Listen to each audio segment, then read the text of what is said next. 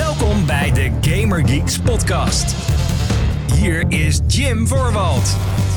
Hallo mede Gamer Geeks. Wat leuk dat je luistert naar de Gamer Geeks podcast, de talkshow van GamerGeeks.nl, waarin ik en soms een andere geekje graag bijpraten over alles wat er gaande is in en rondom de gamingindustrie. Ik bespreek het laatste nieuws met je, geef je mijn kritische blik en natuurlijk veel meer. Datum van opname is 4 oktober 2021. Dit is de 174ste aflevering van deze show. Wat leuk dat je er weer bij bent. Ik kon eh, een eh, tijdje de show niet maken.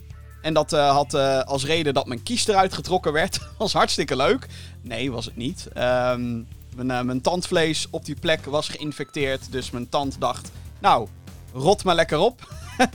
In de meest letterlijke zin van het woord, denk ik. Dus ja, daarom was ik er even uit de running. En heb ik me daarna weer herpakt. Ik kan nu iets minder kiezen, want ik heb letterlijk een kies minder. Maar alles gaat verder helemaal prima. Ehm, dus ja, ik ben blij. Ik ben blij dat ik weer deze show voor je mag maken. En wat een week zijn we ook in beland. Echt, echt. Dit, dit, is een insane week op het moment dat ik het opneem. Het is nu namelijk dat ik nog allerlei dingen aan het spelen ben. Kom ik zo op terug natuurlijk in de playlist. Maar het is de week van onder andere de Battlefield 2042 Open Beta. Nou ja, ga ik natuurlijk uitproberen, want ik ben hartstikke benieuwd. Maar echt oprecht heel erg benieuwd. Daarnaast komen er twee grote games uit. Twee games waar ik me ook nog eens ontzettend op verheug. Dus het is niet zomaar dat ik zoiets heb van, nou, deze kan ik skippen. Nee, deze twee kan ik absoluut niet skippen. We hebben het hier over Far Cry 6 en Metroid Dread. Een nieuwe 2D Metroid game. Nou, dat, dat Nintendo, dat er slechts vier jaar tussen zat tussen uh, Samus Returns op de 3DS en nu een nieuwe op Switch is eigenlijk een wonder. Want Metroid is zo'n franchise waarvan je nooit zeker weet of Nintendo het ooit gaat terugbrengen. Het, zou zomaar ooit een F-Zero kunnen worden. Dat ze gewoon ineens, oké, we maken niks meer. Doei.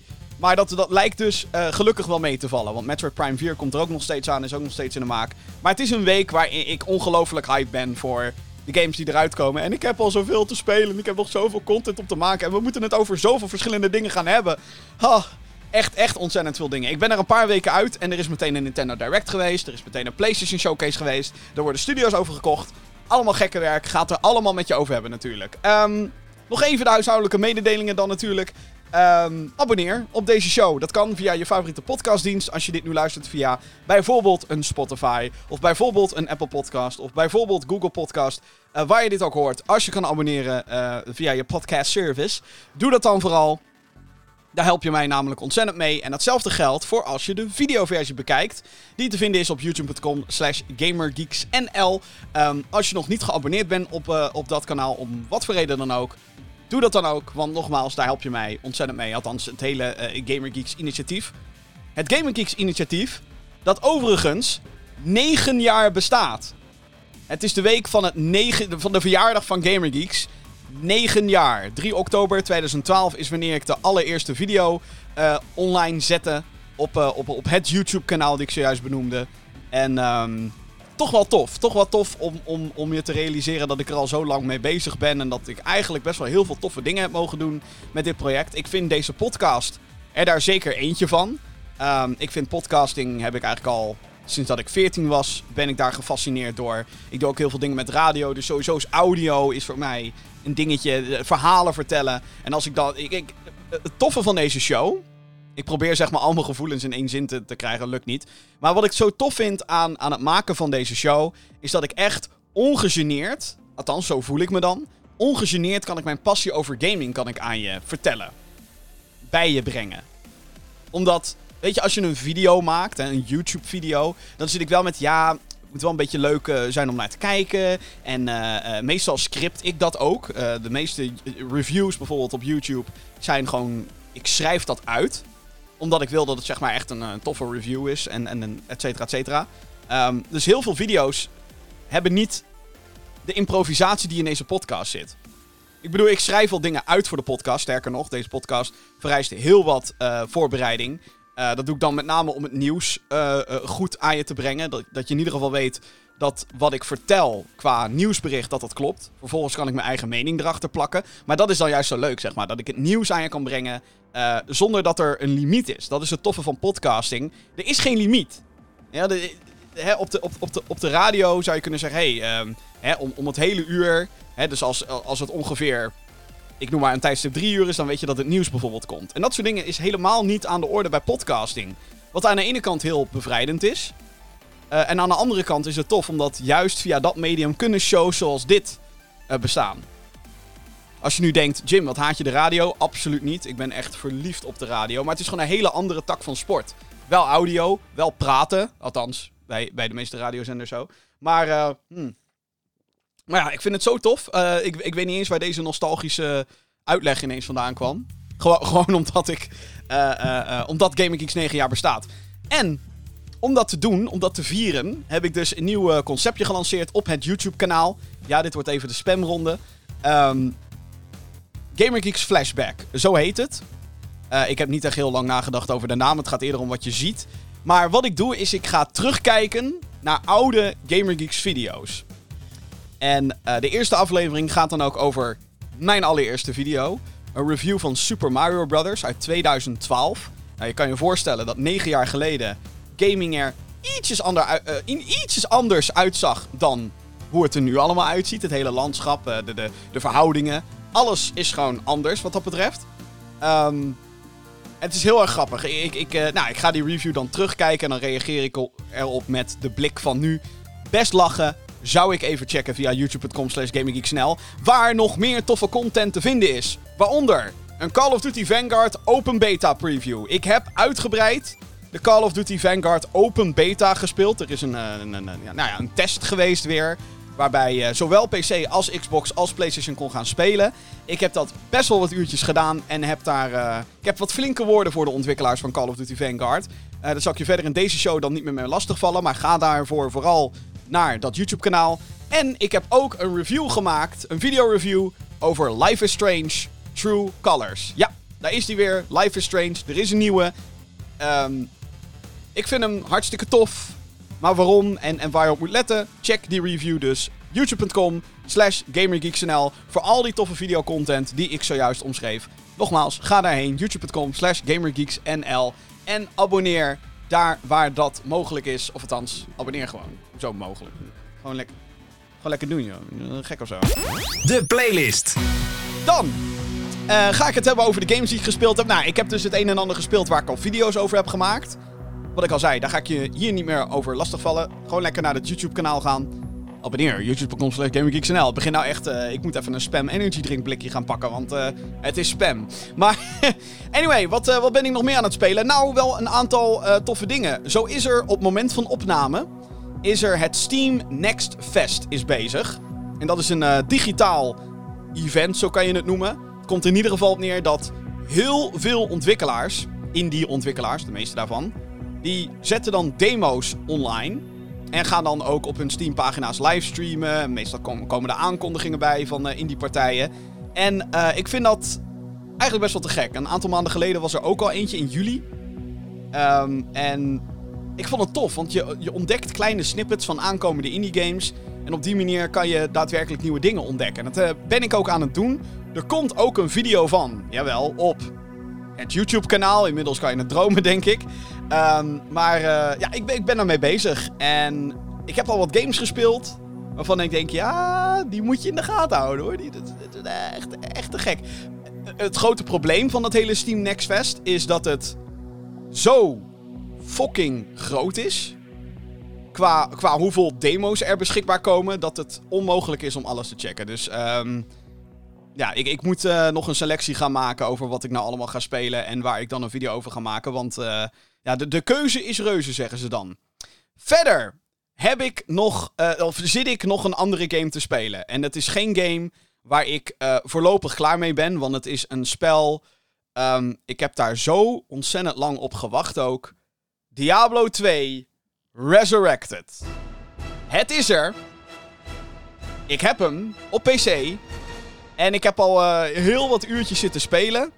Ehm, Diablo 2 is eh, in mijn optiek een van de beste games ooit gemaakt. De laatste paar jaar weet ik dat ik eh, Doom vooral heel erg naar voren heb geschoven als een van de beste games. Maar dat kwam simpelweg omdat Doom tegenwoordig veel makkelijker is om te spelen. Je kan gewoon een, een, een, een, een, een engine downloaden, zoals GZ Doom. En dan kan je gewoon je oude files kan je erin proppen. Sterker nog, Bethesda heeft de game zelf wat meer geupgrade, zodat hij makkelijk te spelen is op moderne PC's. Het is ook naar consoles gekomen. Hebben ze onlangs trouwens ook gedaan met Quake. Wat, die ben ik ook nog steeds aan het spelen, te gek. Ehm, maar Diablo 2, ja, je kon het wel spelen, maar het bleef dan de oude Diablo 2. Op PC. Nu is er dus een remaster, zoals je wellicht hebt meegekregen als je het uh, internet een beetje volgt. En um, ja, het is te gek. Het heet uh, Diablo 2 Resurrected. Het is uit voor PC, PlayStation, Xbox en Nintendo Switch zelfs. Ik ben dan op dit moment uh, op, op PC aan het spelen. Ik ben eigenlijk wel dusdanig benieuwd dat ik nog nadenk om toch nog voor een console te gaan halen. Omdat ik van ontzettend veel mensen hoor van... Yo, met controller is deze game super chill. Wat ik heel verrassend vind, omdat hey, het is een game die puur en alleen gemaakt is voor muis en toetsenbord. Maar kennelijk werkt het dus ontzettend goed met controller. Daar kan ik niet over spreken, maar ik hoor van heel veel mensen dat het gek is. Ik zou dat ook op PC trouwens kunnen uitproberen. Ik bedoel, je kan gewoon met controller spelen ook op PC. Maar um, het, het is zo goed. Het is zo goed, jongens. Diablo 2 Resurrected is zo fucking goed. En de reden waarom is omdat Vicarious Visions, de ontwikkelaar van Diablo 2, heeft de game eigenlijk voor een merendeel met, met rust gelaten. Dus je begint als een van zeven characters. Dit kan zijn een barbarian, die natuurlijk helemaal gaat om melee wapens en, en, en, en dat soort abilities. Maar je hebt ook een sorceress, en dat is, uh, nou ja, zoals de naam al doet vermoeden, zij doet magie. Maar dan echt gewoon in de extreme vorm. Dan heeft ze vuurspreuken, lightning-spreuken, stroom en uh, uh, ijsspreuken. Maar dan heb je ook hele aparte characters, zoals de Necromancer. Die kan letterlijk de lijken van vijanden omtoveren in wandelende skeletten die met je meevechten. Nou, als dat niet awesome klinkt, dan weet ik het ook niet meer.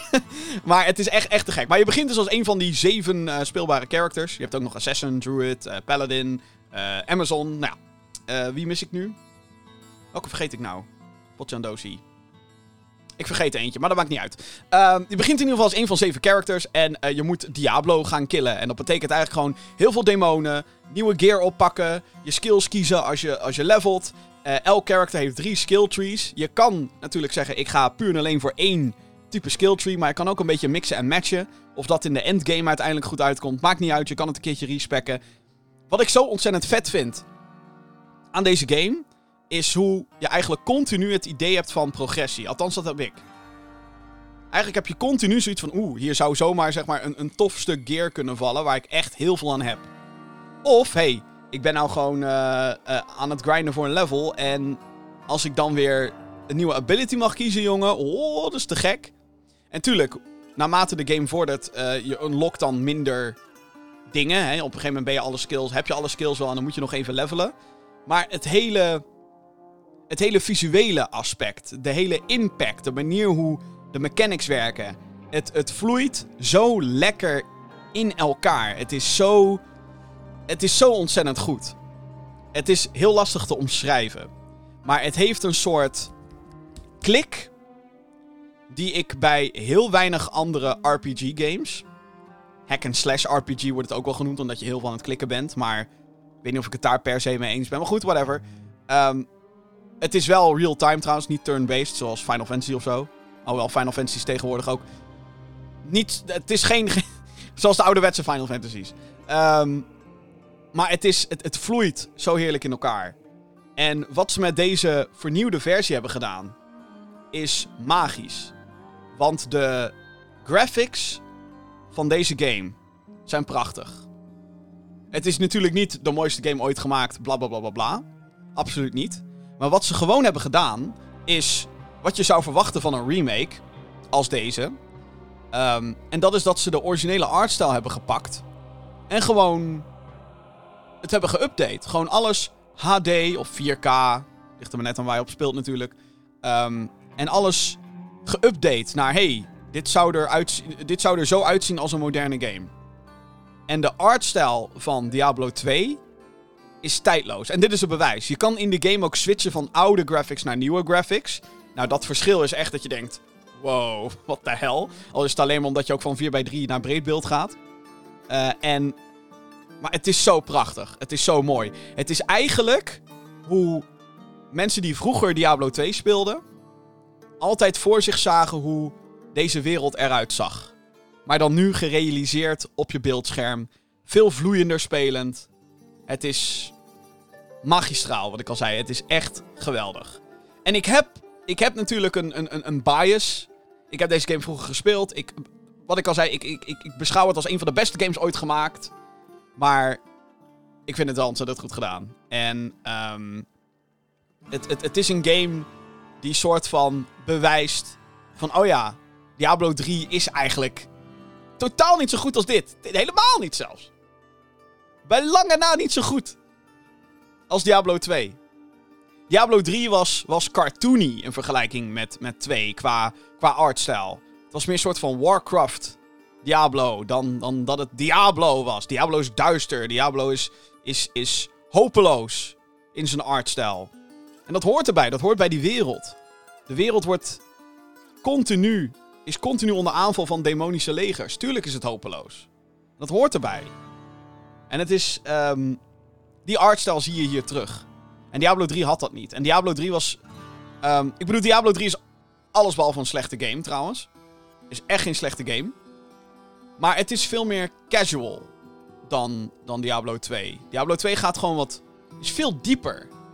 En als je, als je bij Diablo 3 denkt... Oh, ik... Um, ik wil gewoon instant ineens switchen compleet van speelstijl. Dan kan dat. En nou kan je zeggen, hé, dat is een goed iets. Tuurlijk, valt wat voor te zeggen. Maar bij Diablo 2 voelt het zoveel meer belonend. Als je echt voor een bepaalde spec gaat en het werkt en je slacht die monsters af. Het is. Ah, het is heerlijk. Het is een game die ik zowel heel intens kan spelen. Dat ik er helemaal in zit. En dat is meestal bij de boss fight zo. Dan zit ik echt. Ben ik aan het zweten. En is van. Oh, snel, Town Portal. Ik moet wegwezen hier. En dan weer potions bijkopen. Want anders dan overleef ik dat gevecht niet. Maar ik kan het ook super casual spelen. Ik denk, hé, hey, zullen gewoon even lekker door, dit, door deze dungeon heen gaan. En gewoon een beetje papapapam. Kan ik dan met vrienden doen. Of in mijn eentje. Of ik maak gewoon voor de gein een nieuw character aan. En dan ga ik daarmee e- experimenteren. Het is... Um, het is echt heerlijk. En um, ik denk dat Vicarious Visions, dus de ontwikkelaar, heel trots mag zijn op deze remake. Um, het is natuurlijk niet perfect, want sommige quirks die in de oude game zaten, zitten hier gewoon nog steeds in. Um, soms is zeg maar de manier hoe vijanden je raken, is zo nu en dan niet aansluitend bij hun animatie. Uh, dat is gewoon hoe de game mechanics werken. Um, maar dat kan zeg maar heel bedriegend zijn voor de manier hoe je de game meemaakt. Um, maar ja, voor de rest is het uh, gewoon weer Diablo 2. En um, is het, het uh, beschouw ik het nog steeds als een van de beste games ooit, gema ooit gemaakt? Jazeker. Nu weer wel. nu weer wel. Nu is het weer gewoon, ik ben, ik ben all in voor Diablo 2. En dat, dat maakt deze week waarin ik dit opneem ook heel lastig. Want ik weet, hè, Far Cry 6 komt eraan, Metroid Dread, maar Diablo 2 gaat zeker ook nog heel veel tijd van mij in beslag nemen. Maar ah, wat een genot. Wat een genot, jongens. Het, het, het, is heerlijk. Het is heerlijk. Dus um, mocht je nog een twijfelaar zijn en denken, nou, Diablo 2, ik weet het niet. Is die, is die remake echt goed? Ja, hij is echt heel goed. Hij is supergoed.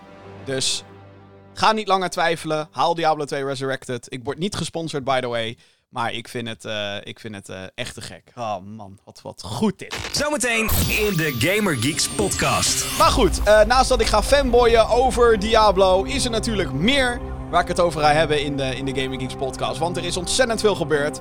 Het belangrijkste nieuws uit de Nintendo Direct ga ik zo meteen voor je op een rij zetten. En er is een opvallende samenwerking gaande in de Xbox scene. Daarnaast geef ik je ook nog eens een update over alle release dates. Want er ja, er zijn weer veel dingen verschoven, zeg maar. Dus uh, uh, ik zou even je kalender erbij pakken. Zodat je uh, wat dat betreft ook helemaal up-to-date kan zijn. En, en, en dat je alle data op een rij hebt. En dat je ook weet wanneer je moet sparen. Voor de nieuwe games natuurlijk. Nieuws. Oké, okay, laten we beginnen met Le Grande PlayStation Showcase. Die was namelijk ook weer um, een paar weken terug. En dat was ook weer een dingetje hoor. Uh, PlayStation heeft een nieuwe showcase uitgezonden. Waarin het een deel van zijn line-up voor de PlayStation 5 presenteerde. Presentatie werd geopend met de onthulling van Star Wars Knights of the Old Republic Remake. Het origineel, ontwikkeld door BioWare, verscheen in 2002 enkel op de Xbox en PC. Dus, dus dit is een soort van switch van haha, alleen van Xbox naar haha PlayStation. De RPG is door de jaren heen geprezen als een van de beste games gebaseerd op het Star Wars-universum aller tijden. De remake zal exclusief zijn voor PlayStation en PC. Aspire, een studio die de afgelopen jaren vooral veel oudere Star Wars games heeft gepoord naar moderne consoles, die gaat de remake maken. Ja, hier uh, uh, had ik zelf niet zoveel hype voor, omdat um, ik heb het origineel nooit gespeeld. Het is gewoon, zo simpel is het. Um, het was toen de tijd op Xbox, op, op PC. Ik, dat was in de periode dat ik persoonlijk, toen Knights of the Old Republic helemaal hype was. Ik ging toen van PC meer naar console gaming toe. Gamecube en PlayStation 2, dat was, ik zat daar continu op.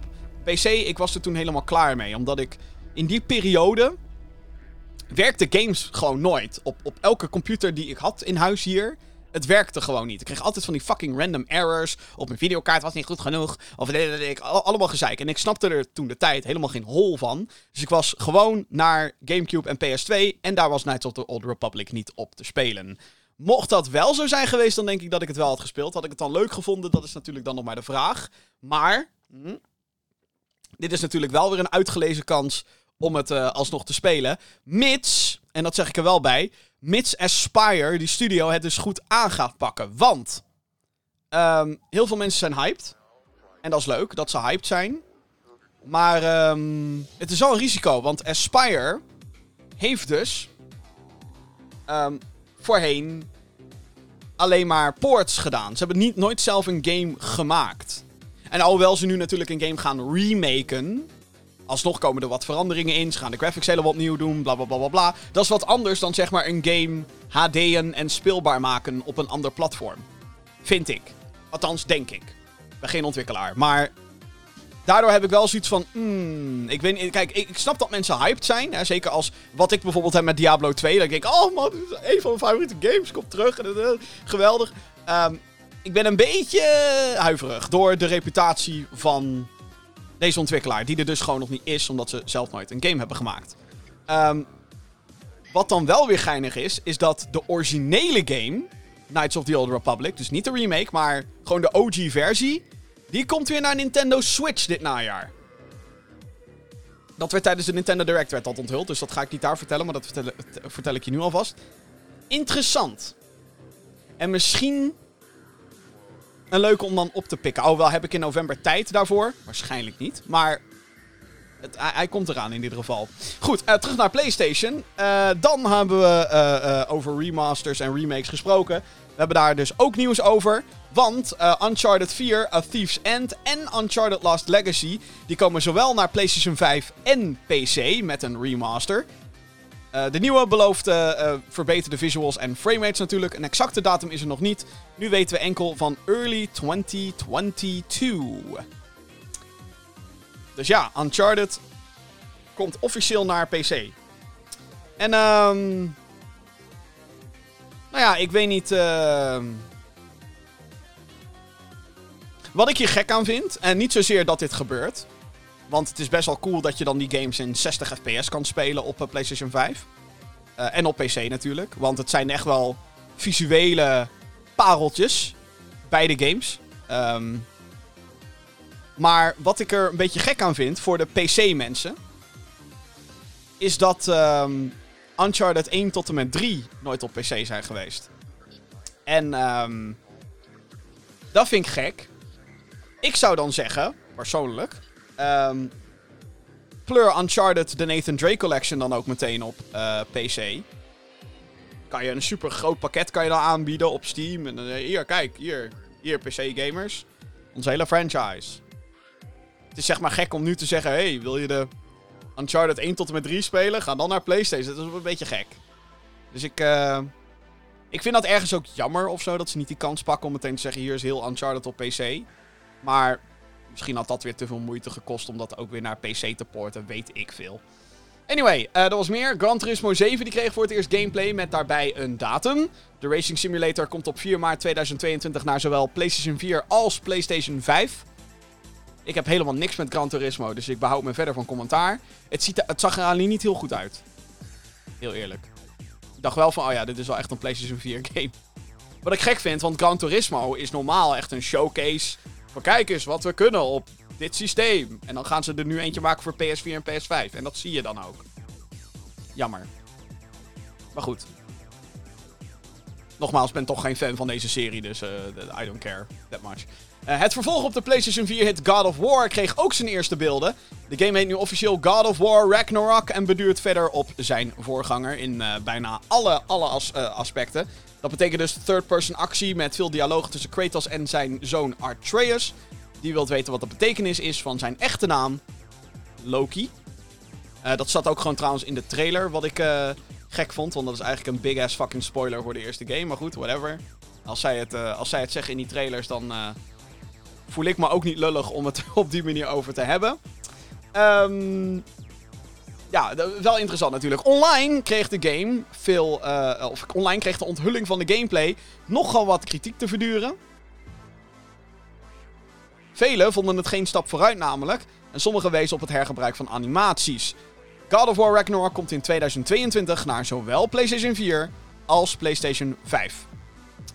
En um, ik vond dat heel opvallend om dat te zien. Uh, het commentaar op, uh, op de trailer. En, en uh, waar mensen vooral op wezen was een animatie waarin Kratos in een boot stapt. Die is namelijk gewoon gekopieerd uit God of War 2018. Nogmaals, ik weet dat mensen soms terecht bitchen over dat dingen hergebruikt worden en zo. Uh, met FIFA elk jaar is dat een, is dat een ding dat, ze, dat, dat de ontwikkelaars soms zelfs vergeten om bijvoorbeeld oude FIFA-logo's uit de game te halen. Oeps. Maar ja, dat krijg je als je eens in het jaar een nieuwe game moet uh, releasen. Dan gaan er gewoon slordigheidjes in zitten. Um, maar ik snap, ik, nogmaals, ik snap de kritiek niet. En um, wat ook natuurlijk heel veel gezegd wordt is... Oh, God of War Ragnarok ziet eruit als een PS4-game. En dan denk ik, ja, het is namelijk een PS4-game. Het is overduidelijk dat dit een, een game is die... eigenlijk bedoeld was om op PS4 te releasen. Uh, en op PS5 gaat het er dan mooier en scherper en vloeiender uitzien. Ongetwijfeld. Maar ja, dat ze dan animaties hergebruiken, dan denk ik, ja, no shit Sherlock. Waarom zou je, als je een studio hebt, hè, weet je wel, en, en, en je bent dan een vervolg aan het maken. Waarom zou je in godsnaam dingen zoals het instappen in een bootanimatie opnieuw gaan maken? Dat is een fucking verspilling van tijd. En geld dus ook daarbij. Waarom zou je dat doen? Ik, ik, ik snap niet waarom mensen daarover gaan bitchen. Het is toch meer dan logisch? Zeker omdat dit gewoon echt een direct vervolg is op God of War 2018. Gewoon super direct vervolg is dit. En dus is het ja, niet meer dan logisch dat ze dat soort dingen opnieuw gebruiken. Kijk, weet je, als we het nou hebben over vijf games achter elkaar. En je ziet continu nog steeds dezelfde animaties. Um, hè, als in de eerste game. Dan zou ik heel goed kunnen snappen dat je er klaar mee bent. Dat was op een gegeven moment de grap bij uh, bijvoorbeeld Assassin's Creed. Dat, volgens mij worden daar nog steeds animaties gebruikt uit Assassin's Creed 3 en, en 4 en, en, en 2. Terwijl we inmiddels acht games verder zijn, weet je wel? Ja, dan snap ik. bedoel, ik heb, ik heb die kritiek ook op de, uh, uh, de moderne Assassin's Creed games. Of met Far Cry, het, het bekende first-person animatietje. Dat ze. Uh, hoe noem je dat? Verband om een arm heen doen. Dat is ook elke keer. Wordt dat soort van gerecycled. Maar. Ja, weet je. Is toch een soort van logisch eigenlijk.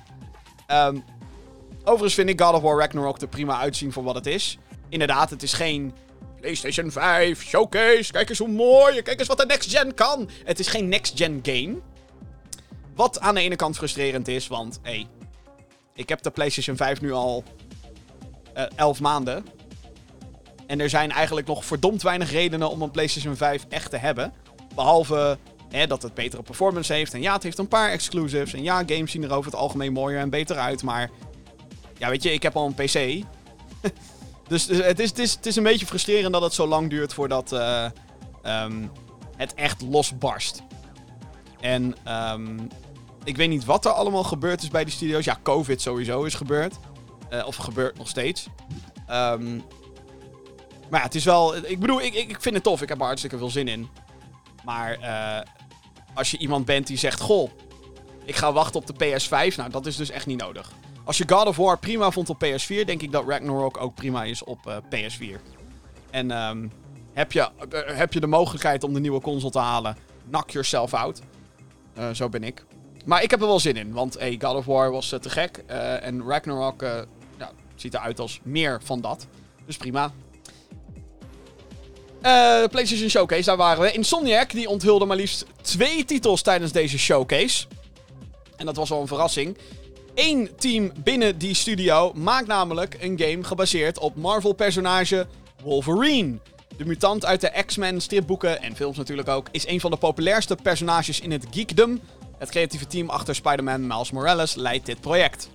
Dit was een grote verrassing, want uh, er kwam een Marvel-logo in beeld tijdens de presentatie. Insomnia kwam in beeld, dus iedereen ging eigenlijk uit van Spider-Man. Maar toen opeens kwamen de klauwtjes tevoorschijn, kwam het logo van Wolverine in beeld en was het hele internet gechoqueerd. Ik ben heel benieuwd wat ze hiermee gaan doen. Um, heel benieuwd. Het is een, ja, het is een Marvel-held, een hele bekende. Maar het is wel echt compleet anders dan Spider-Man. Uh, want hey, Wolverine heeft klauwen, hij steekt mensen neer. Dus ik, mag, ik, hoop eigenlijk wel dat ze zich niet in gaan houden op, op die aspecten. Dus ik hoop dat je armen eraf kan hakken en dat hij echt, echt neersteken, weet je wel. Ik wil niet dat Wolverine met zijn klauwen mensen gaat slappen. Zo van, oh, we zijn familievriendelijk. Nee, ik wil niet met Wolverine. Die wel... Weet je wel? Zoals Logan, die film. Dat het echt gewoon gruwelijk is. Maar het is natuurlijk de vraag in hoever, hoe, ver ze daarmee gaan. Uh, vooral ook omdat ik vind dat dit heel anders moet gaan worden dan uh, Spider-Man. Over Spider-Man gesproken. Verder werd Spider-Man 2 ook aangekondigd. In deze game speel je zowel als Peter Parker en Miles Morales. Peter Parker heeft een upgrade gekregen in de vorm van robotarmen die te vergelijken zijn met het Iron Spider kostuum die bekend is uit de comics en ook zat in de film uh, Avengers Infinity War. Venom zal een van de bad guys zijn in de game. Holy shit. Uh, nadat deze al geteased werd aan het einde van de vorige twee titels. Op het PlayStation blog werd gezegd dat Spider-Man 2 een epic single-player adventure zal worden. Degenen die hoopten op online co-op worden dus teleurgesteld. Ik was er daar eentje van. Dat leek me een super vet idee, omdat je twee Spider-Man hebt. Verder wist Insomniac te melden dat de sfeer in deze game duister zal zijn. In ieder geval veel meer duister dan de vorige twee games. Ze vergeleken het zelf met de toon van Star Wars The Empire Strikes Back. Spider-Man 2 verschijnt in 2023 alleen op de PlayStation 5. Wanneer Wolverine uitkomt trouwens weten we nog niet. Uh, wel dat uh, um, die ook alleen voor PlayStation 5 zal zijn. Dus het is alleen PS5. Dit zijn, dit zijn echte next-gen games. Yes! We moeten er even op wachten. Maar ik heb hier fucking veel zin in. Want uh, ik vond Spider-Man op PS4 te gek. Ik vond Miles Morales ook heel erg tof. Um, met als enige dingetje dat ik vond dat het te kort was en te weinig nieuwe toevoegingen had voor een game die 50 euro kostte bij launch. Voor PS4, geloof ik. En was die 60 op PS5? Het, ik vond het in ieder geval veel te duur. Uh, review op youtube.com slash gaminggeeksnel. Maar uh, um, verder heel leuk. Dus als je die game uh, goedkoper kan scoren, dan zou ik zeggen, vooral doen. op zowel PS4 als PS5 trouwens. Beide consoles prima. Uh, op PS5 is het dan natuurlijk wel net iets toffer, omdat het allemaal mooier is. Maar goed, dat is, een keuze die je zelf moet maken. Zin in. Het duurt, ik, ik, ben ook eigenlijk blij dat ze nu hebben gezegd 2023. Ik mag hopen dat ze die datum ook gewoon gaan halen. Um, en dat we nu ook gewoon kunnen zeggen: oké, we horen voorlopig niks over deze game. Misschien krijgen we volg, eind volgend jaar gameplay. Maar voor nu Gun ze de tijd. Het zal wel. Prima. Wacht, gewoon, gewoon lekker wachten. En laten we dan hopen dat in 2022 games zoals Horizon en... Uh, nou ja, Horizon heeft al een datum in februari. Laten we hopen dat hij dat dan ook gaat halen. En laten we dan ook hopen dat God of War er achteraan komt. En laten we hopen dat PlayStation nog wel wat dingetjes heeft voor volgend jaar. En dat het niet allemaal... Uh, dat dat het was. Dat het God of War en Horizon was. Nou, zijn dat twee prima games overigens. Althans, hoop ik. Laten we even ervan uitgaan dat het te gekke games worden. Maar um, als dat je hele jaar is, weer een, een karig jaar. Hoop het niet. Maar dat moeten we natuurlijk allemaal maar afwachten. En dat was het eigenlijk wel met de PlayStation Showcase. Ja, er werden nog wat andere dingen getoond natuurlijk. Maar um, dit waren wat mij betreft de highlights. En dan gaan we naar een ander evenement waar ik ook highlights voor heb uitgezocht. En dat is de Nintendo Direct. Nintendo heeft afgelopen maand ook een digitale showcase uitgezonden. Ehm, ja, de Nintendo Direct. Die had eh, wat interessante aankondigingen wat mij, wat mij betreft. En de eerste was voor mij echt een verrassing. Want als er één franchise is waar ik helemaal klaar mee was, was het wel Kirby. Maar er is zowaar een interessante Kirby-game aangekondigd. Ehm, Kirby and the Forgotten Land, zo, eh, zo heet die game. Het eh, wordt de allereerste open world 3D Kirby game ooit. Dus dat je vrij kan rondbewegen en zo. In plaats van lineaire levels. Die, uh, de meeste Kirby games zijn 2D geweest trouwens. Um, ja, het wordt echt gewoon 3D en, en Kirby die gewoon rond kan lopen. Ja, het, het klinkt... Het, je denkt misschien, Jim, what the fuck. Maar voor een Kirby game is dat echt wel even een big deal. Uh, het speelt zich af in een uh, verlaten wereld, zoals uh, de naam al doet vermoeden. waarin onze favoriete roze wandelende bal vijanden moet opzuigen om hun krachten over te nemen. In de lente van 2022 komt het, komt het spel naar de Nintendo Switch. Ik wil nogmaals even benadrukken dat ik dit echt een te gekke verrassing vond. Echt heel tof. Het heeft, een, het heeft iets aparts. Omdat je Kirby normaal in, in sprookjesachtige werelden ziet. Dit zag eruit als een, ja, een soort van moderne wereld. Het is in een stad. Je ziet een winkelcentrum met roltrap en zo. En planten hebben allerlei dingen overgenomen. Want hey, het is een verlaten wereld. Uh, maar het ziet er gewoon echt, ja, apart uit met een bepaalde charme. Waarvan ik denk, Oeh, ik. Oeh. Oeh. Ja, dit wil ik eigenlijk wel heel graag spelen. En het, uh, ik vind dat te gek. Um, nu hoop ik dat ze uh, ook echt een heel tof gameplay concept van kunnen maken. En dat het niet te makkelijk wordt. Ik vind dat heel vaak het geval met Kirby games. Dat het te makkelijk is. Of dat ze te makkelijk zijn, de games. Maar ja, dit, um, dit is echt weer even een frisse take op het hele Kirby gebeuren. En ik ben daar zo blij mee, want Kirby lijkt me een character waar je heel veel toffe dingen mee kan doen. Maar ze. De laatste tijd zijn er allemaal van die games uitgebracht. En ik denk, ja, I don't give a fuck.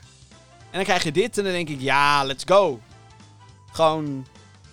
Er lijkt weer wat creativiteit te zitten in die franchise. En ik kan niet blijer zijn daarmee dan dat. Dus Kirby and the Forgotten Land, lente 2022 op de Nintendo Switch. Let's fucking go. Dan, nog meer uit de Direct. Het uh, spelen van retro-titels op de Switch, dat wordt uitgebreid. Nintendo 64 en Sega Mega Drive games komen erbij. Maar dit kan helaas niet met het bestaande Nintendo Switch Online abonnement. Dus heb jij zo'n Switch Online abonnement? Jammer joh! Hiervoor moet je namelijk lid worden van een duurdere variant. De prijs hiervan is nog niet bekendgemaakt. Maar het heeft wel echt de slechtste titel ooit. Namelijk um, Nintendo Switch Online plus plus uitbreidingspas. What the fuck, Nintendo. Had dat niet even wat creatiever gekund? Plus, het feit dat ze nu extra geld gaan... Kijk, ik weet niet hoeveel. Ik weet niet hoeveel het gaat worden. Kan zijn dat ze zeggen, joh, uh, voor 2 euro meer per jaar. Lijkt me stug. Voor 5 euro meer per jaar. Eh. Maar als het iets van 10 euro wordt of zo. Dan heb ik echt zoiets van, ja, fuck off. Fuck off. Je service is shit, oké? De games... Ik... Oké. Even terug. Het feit dat ze Nintendo 64 en Mega Drive ineens achter een, een extra betaalmuur gaan plakken... Daar snap ik dus echt geen reet van. Als je echt dingen apart wil gaan aanbieden... Waarom heeft Nintendo dan niet gewoon de fucking Virtual Console teruggebracht? Virtual Console. Het is zo... Het was er al op de Wii. Het was er op de 3DS. Waarom is het weg op de Switch? Het was er op de Wii U. Waarom is het weg op de Switch? Het was ideaal. Volgens mij behaalden ze tonnen, dan wel niet miljoenen binnen. Met gewoon, oh hé, hey, we hebben een emulator. En die draait deze ROMs. Die kan je kopen voor 5 tot 10 euro per stuk. En dan kun je gewoon zelf uitkiezen, joh, dit vind ik te gek, dit wil ik spelen. En dan werden, ze waren wel heel traag met het releasen van die fucking games. Dat wel. Um, en dat is dan het enige voordeel van, van Switch Online. Is dat ze nu allerlei games al beloven die eraan komen. En daar zitten wel echt een paar hele toffe bij, in alle eerlijkheid. Natuurlijk ook Arena of Time, Zelda. Uh, natuurlijk Super Mario 64. Uh, eh, natuurlijk Majora's Mask. Maar ook dingen zoals Banjo-Kazooie. Wat dus een samenwerking met Microsoft inhoudt. Met Xbox, want die hebben de rechten. Wat? Paper Mario, dat ik denk, oh ja, die zou ik echt nog wel gewoon echt oprecht een keer willen spelen. Te gek. Let's go. Pokémon Snap hebben ze aangekondigd dat hij erbij komt. Dat soort shit is lauw. Maar ik denk dat ze veel meer geld hadden kunnen verdienen als ze gewoon zouden zeggen: Yo, deze games kan je gewoon allemaal kopen. 10 euro per stuk. In plaats van een fucking extra abonnement voor Nintendo Switch Online. Dan denk ik, mensen zijn al niet zo tevreden over Nintendo Switch Online. Het is nu niet, gewoon niet zo boeiend op dit moment. Tuurlijk, je hebt je standaard Super Nintendo en NES games. Maar de toevoegingen die ze vaak doen, dan denk ik, niemand zit hierop te wachten. Waarom staat, volgens mij staat dingen zoals voetbal op de NES staan op Nintendo Switch Online. Nobody fucking cares. Niemand. N nul. De enige mensen die dit spelen is gewoon zo van... Laat voor de grap, wanneer de nieuwe FIFA uitkomt, dit even spelen. Dat, dat is het. En na vijf minuten zetten ze het af. En daar stop je dan moeite... Zeg maar, daar, betalen we indirect voor. En dan denk ik, fuck af. Waarom kan dit niet gewoon bij de bestaande dienst?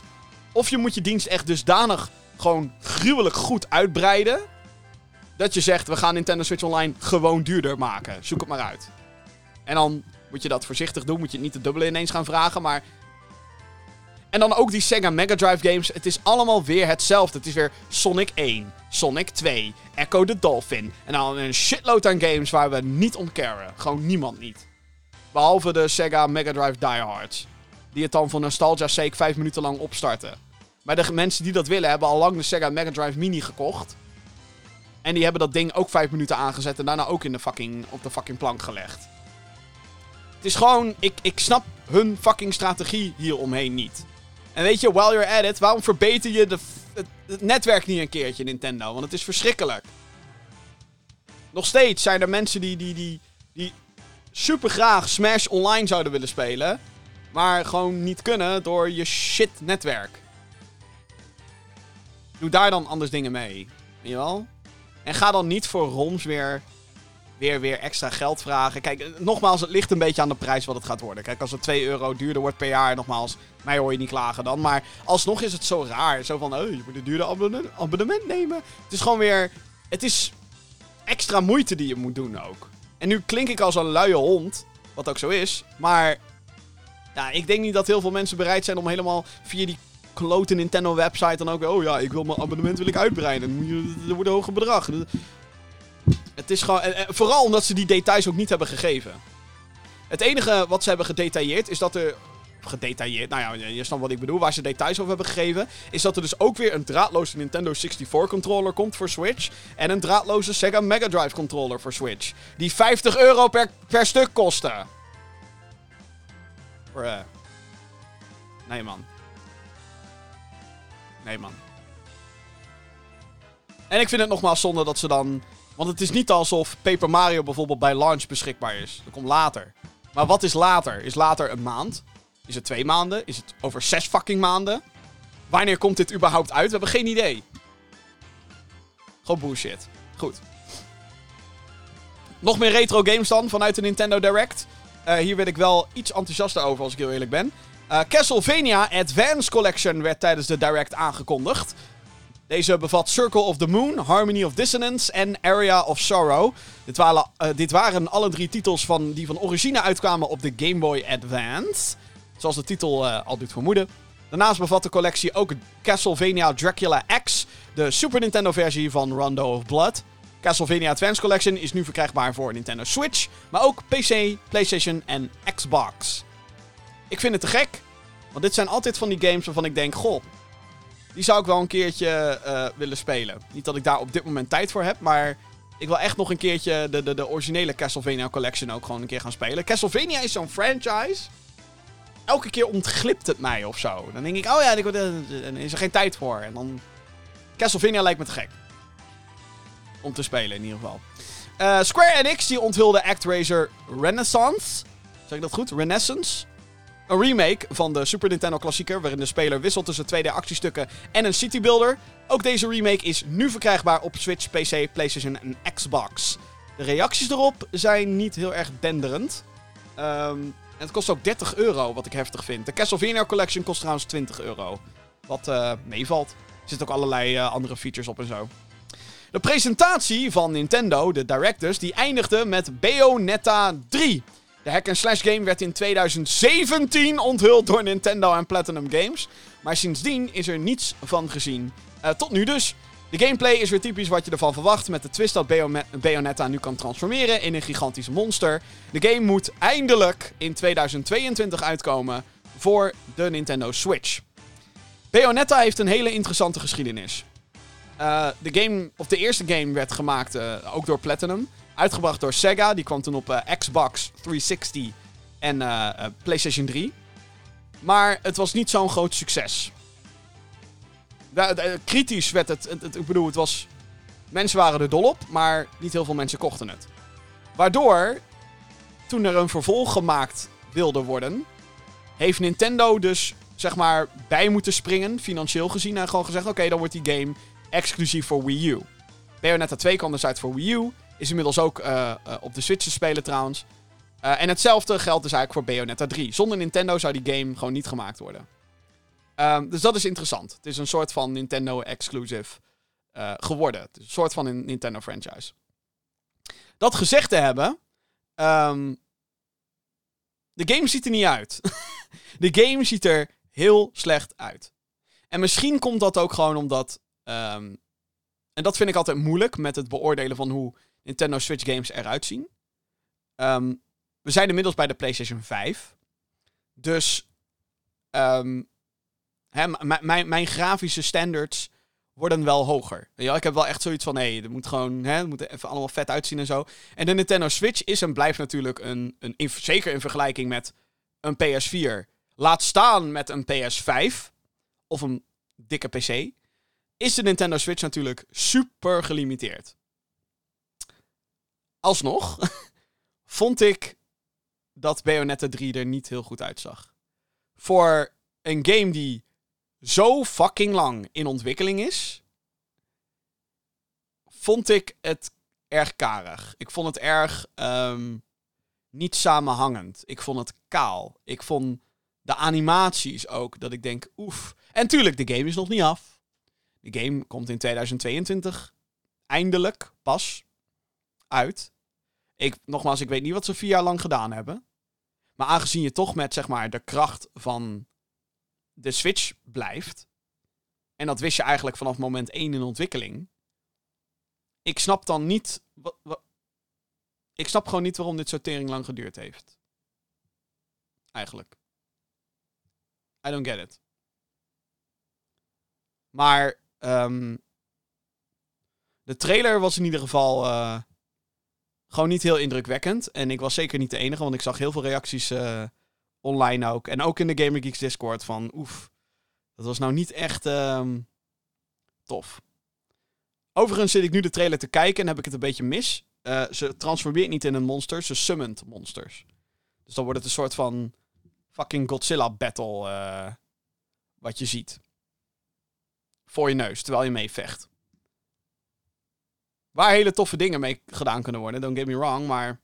Hm. Dat was wel dat ik dacht, uh, oei. En zeker dat als afsluiter van je Nintendo Direct, toen dacht ik wel van... Ah, oh, oh. Dat is wel even... Ehm, dat is wel... Nou, ik wilde zeggen nasty, maar dat is ook weer zo negatief. Het ziet er gewoon niet heel goed uit. Dus het is niet echt een game waar ik me op uh, ga verheugen. Persoonlijk. Oké. Als je de Nintendo Direct gezien hebt, dan denk je misschien... Jim, was dit het wat betreft de Nintendo Direct? Moet je het echt niet hebben over dat ene ding? Jawel, ik ga het erover hebben. Nintendo heeft afgelopen. Of uh, sorry. De Nintendo Direct bevatte niet alleen games. Maar ook nieuws over de nieuwe Super Mario film. De animatieproductie die wordt gemaakt door het team achter Despicable Me en Minions. En de casting daarvan is bekendgemaakt. En die heeft nogal voor wat gefronste wenkbrauwen gezorgd online. En uh, terecht. Want, dames en heren, de hoofdrol van Mario gaat naar Chris Pratt.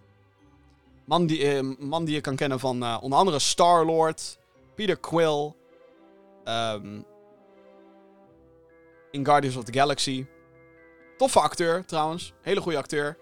Maar hij gaat dus de stem doen van Mario. Eh, de originele stem van Mario in de games, Charles Martinet, heeft naar verluid een aantal cameo's in de film. Dus eh, dan heb je zeg maar voor een groot deel van je leven heb je Mario ingesproken. En dan mag je een paar fucking cameo's doen. Alle andere, of andere opvallende castingkeuzes zijn. Zet u schrap. Seth Rogen als Donkey Kong. En Jack Black als Bowser. What the fuck.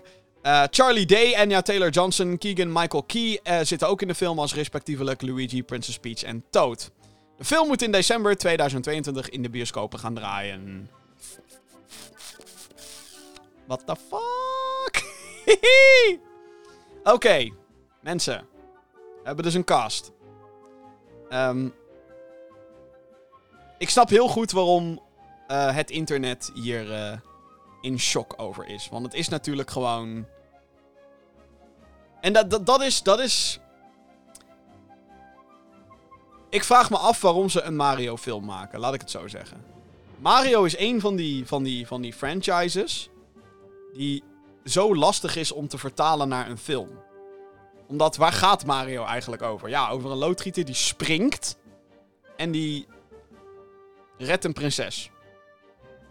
Is zeg maar, het, zit in die, in die rare hoek. Dat ik denk, hoe, hoe kan je hier een script omheen schrijven? Ja, hoe, hoe, hoe kan dat? Tenzij je het drastisch gaat veranderen. Wat al een keer gedaan is, want er is al eerder een Super Mario Bros. film uitgekomen. Dat, maar dat was live action. Dus met echte acteurs. Dennis Hopper als King Koopa. Oh jee. Dat was echt een. Uh... That was something. Um, was trouwens de eerste uh, film gebaseerd op een game ooit ook. Videogame dan. Maar. Uh, hmm. Het is zeg maar. De Ma het Mario-universum is zo vreemd. Dat zelfs een Sonic-film logischer is. En als ik dan hoor dat Idris Elba Knuckles gaat doen, dan denk ik, ja, weet je, dat, dat klopt wel. En dat komt ook omdat um, Sonic en de Sonic characters hebben een bepaalde type stem. Komt ook omdat er inmiddels meerdere voice actors zijn geweest voor Sonic. Maar hè, je, je weet hoe Sonic moet klinken. Zo van, yeah, come on, speed it up. Gewoon een hippe guy. Hè, Knuckles moet een beetje edgy zijn. Nou, dat kan Idris Elba kan dat heel goed. Je weet, Tails, altijd vrolijk. Eh, het is een beetje... Dat is meer een archetype. Terwijl Mario, als je denkt Mario, wat hoor je dan in je hoofd? Behalve tuding en, en de deuntjes. Dan hoor je natuurlijk meteen, yahoo, mamma mia. Je hoort meteen dat. Gaat Chris Pratt dat anderhalf uur doen? Ik denk het niet. Chris Pratt zou dat ongetwijfeld goed kunnen, maar dan... Ze gaan niet diezelfde type stem doen. Want anders zou je gewoon Charles Martin... De stem zou je dan gewoon erbij moeten halen.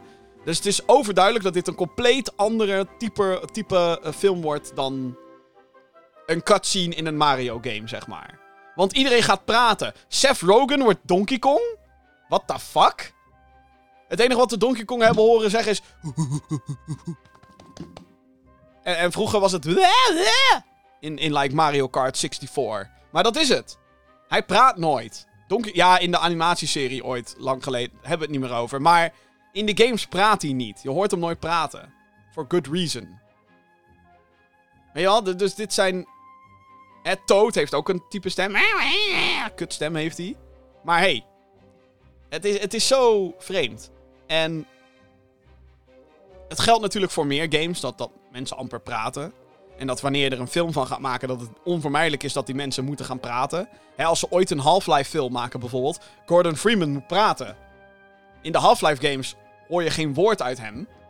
Maar hij moet gaan praten. Hetzelfde geldt voor uh, uh, Zelda. Als ooit een Zelda-film gaan maken. Ja, Link moet gaan praten. Maar vanuit een Link is het veel logischer om te praten. Zeg maar. Het, het is een soort van. Dat is het aparte van, de van het hele gebeuren Mario. Is dat het zo'n abstract figuur is eigenlijk. Het heeft niet. Eh, Mario heeft niet echt een character. Ja, het is gewoon, hij, hij doet wat hij moet doen. Hij redt de prinses. Hij springt rond. That's it. Alle andere Mario-characters hebben meer uh, persoonlijkheden. Luigi is altijd bang. Hè, weet je wel? Peach is altijd lief. Wario is een, is een, is een greedy-ass scumbag. Maar dat is meer... Wat voor persoonlijkheid heeft Mario? Geen idee. En wat zeg maar teleurstellend is aan deze film, is dat het heel erg obvious is dat dit gewoon. Alsof iemand op een, op een, op, op, op een knop heeft gedrukt die zegt: Algoritme, maak Hollywood succes. Insert Super Mario. Oké. En dan wordt, wordt deze lijst van acteurs wordt erin ge- in, in, zeg maar. En het is. Kijk, en, en, en- de grap is: voor hetzelfde geld gaat het supergoed werken. Voor hetzelfde geld eh, kom ik volgend jaar in, in een show, in een podcast. En dan zeg ik: jongens, de Super Mario film is eigenlijk gewoon heel erg leuk. Vergeet even de, de originele stem, want die zit er niet in. Maar, nou ja, zit er wel in, maar cameo. Maar. En dat, ehm, dat zou zomaar kunnen, dat dat gaat gebeuren. Ik kan me namelijk nog heel goed herinneren dat ik met eh, Vincent, medegeek Vincent, ging ik naar de Angry Birds film. Heel wat jaartjes geleden inmiddels ook al. De eerste was dat. De tweede heb ik nooit gezien. Maar de eerste. Ik ging naar de Engelse versie. Want ik wilde niet Enzo Knol op een bioscoopscherm horen. Absoluut niet. Of in een bioscoop setting. Ik wil het niet horen. Engelse. Engelse versie. Altijd trouwens. Altijd Engelse versie. Ook animatiefilms. Altijd Engels. Ehm, en ik vond de eerste Angry Birds film... Toegegeven, ik heb hem sindsdien nooit meer gezien. Maar ik kan me herinneren dat Vincent en ik echt zo ontzettend aangenaam verrast waren. Want wij dachten ook, hoe de fuck ga je nou van Angry Birds een fucking film maken? Maar het was oprecht, het was er zaten leuke grappen in. Goede pacing, geinig verhaal. Ik dacht, oké. nou, als van Angry Birds een goede film gemaakt kan worden, dan zijn de mogelijkheden eindeloos. Ik vond de Sonic film vond ik leuk. Wat de hel is er aan de hand? Dus het zou zomaar kunnen dat ik volgende week deze woorden allemaal compleet terugneem. Of volgende week. Zeg ik volgende week? Volgend jaar. Eh, deze woorden compleet terugneem en zeg, nou, dit eh, was eigenlijk gewoon heel leuk. Dus, eh. Maar het is wel, het is wel heel erg... ehm, heel erg... Heel erg Hollywood gedacht. Van oké, laten we gewoon lekker de lijst met grootste namen, laten we die erbij pakken en die pleuren we erin. Of ze nou passen of niet. Jack Black als Bowser, oké. Oké. Tuurlijk. Waarom niet, joh. Goed. Tot zover mijn eh, rant over, eh, over de Super Mario. eh, Super Mario. Er is trouwens niet eens een naam. Het wordt een Super Mario film, maar, maar hoe het heet, geen idee. Zelfs het woordje Brothers is nog niet toegevoegd aan, aan de officiële titel. Ook als je op Wikipedia erover zoekt, eh, dan, eh, dan krijg je Untitled Super Mario of Untitled Mario Movie. Goed bezig, jongens. Met het najaar in aantocht zijn er nieuwe data dan we releaseperiodes voor een aantal games onthuld. Ja, eh, pak even je agenda erbij als je die, als je die nog gebruikt om, om data en zo op te schrijven. Want we gaan eventjes, we gaan eventjes wat data noteren. Want er is het een en ander is er wel verschoven hoor. Dus schrijft u mee.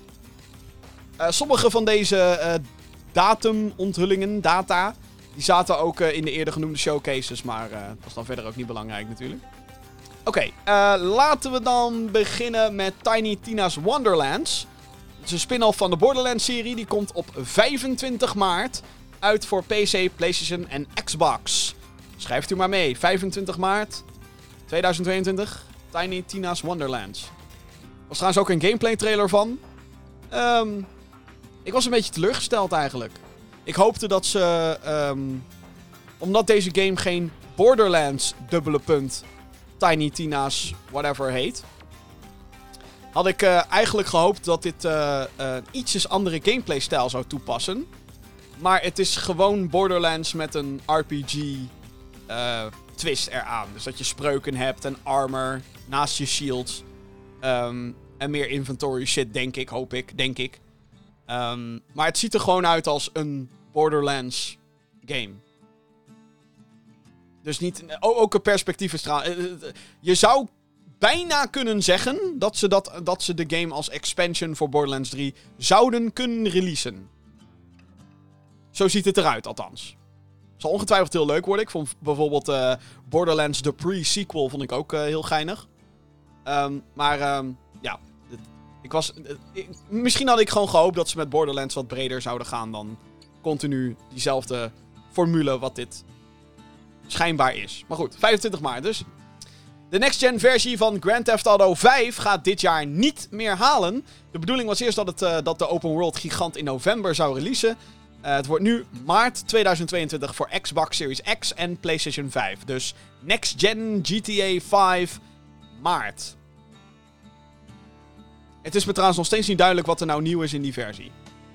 Er was wel een trailertje voor. Dit was tijdens de PlayStation Showcase. En daar stond onder andere. Yeah, renewed graphics. En dan zie je die beelden en denk je: oké, wat wat, wat dan? Je zag niet echt wat er nieuw aan was. Uh, instant character switching. En dan denk ik: hè, je maakt eindelijk gebruik van een SSD. Oké. Maar verder. Uh, totaal onduidelijk wat er nou beter is aan deze versie. Gewoon, waarschijnlijk gewoon lekker geld in. en waarom niet?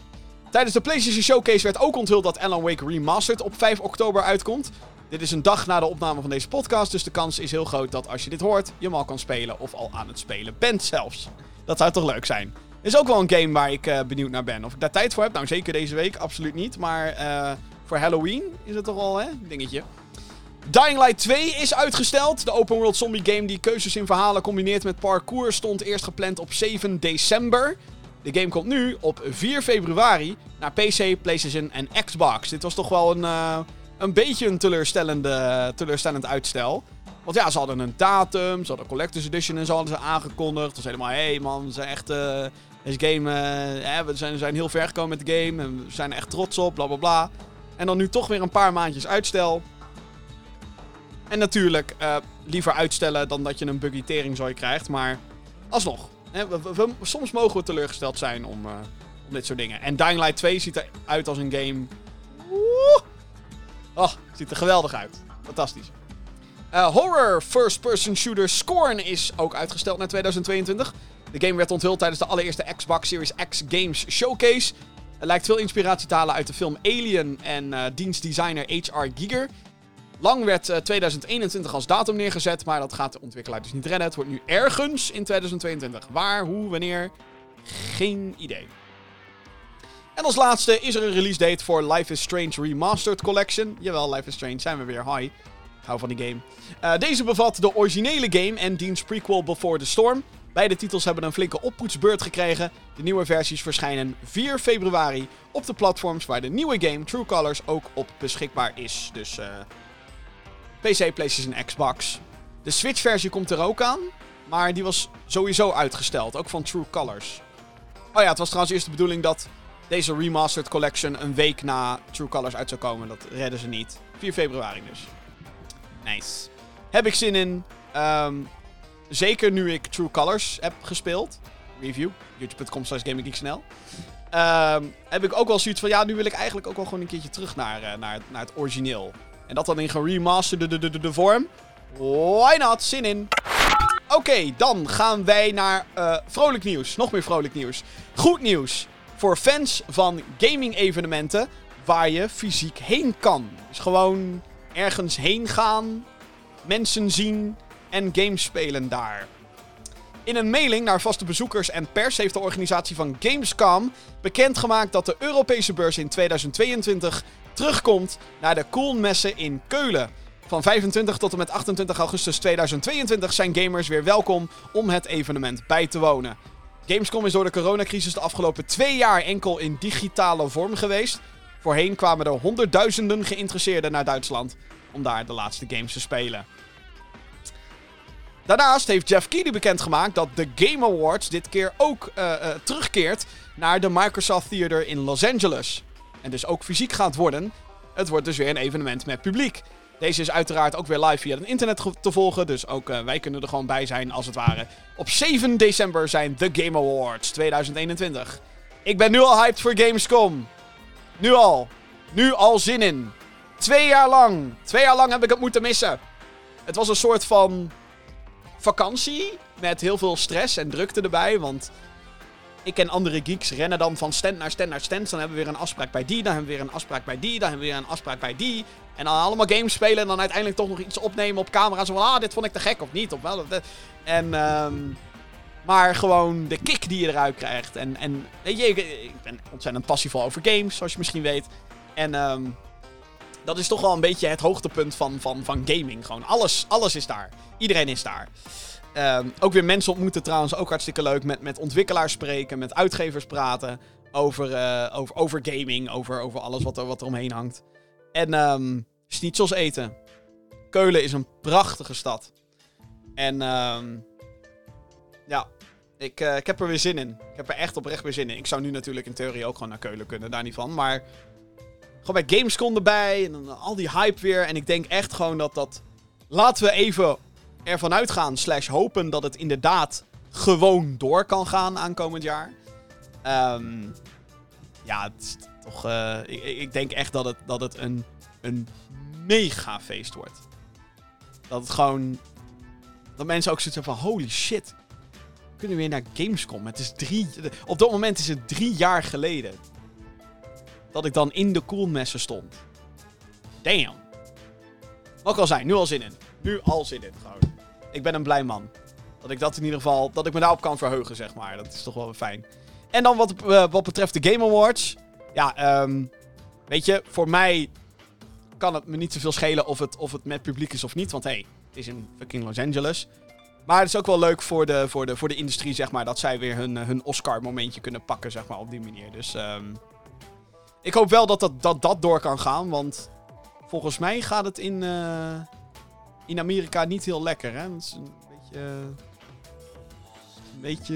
Het gaat... gaat eh, Volgens mij gaat het niet echt de goede kant op. Maar bind me er niet aan vast. Ik heb geen eh, data voor mijn neus. Maar dat zijn een beetje de vibes die ik meekrijg. Dus laten we hopen dat dat eh, allemaal weer kan. Want er was toch laatst weer iets gecanceld of zo? De Dota 2 Internationals waren... De fysieke aanwezigheid was volgens mij weer gecanceld. Dat is niet goed. Volgens mij is dat in Amerika, geloof ik. Maar goed. Ehm, terugkeer Gamescom. Zin in. Laten we hopen dat het eh, eindelijk weer een keer kan. Dan nieuws waarbij ik deze weer eens een keertje mag gebruiken. Dat vind ik toch leuk.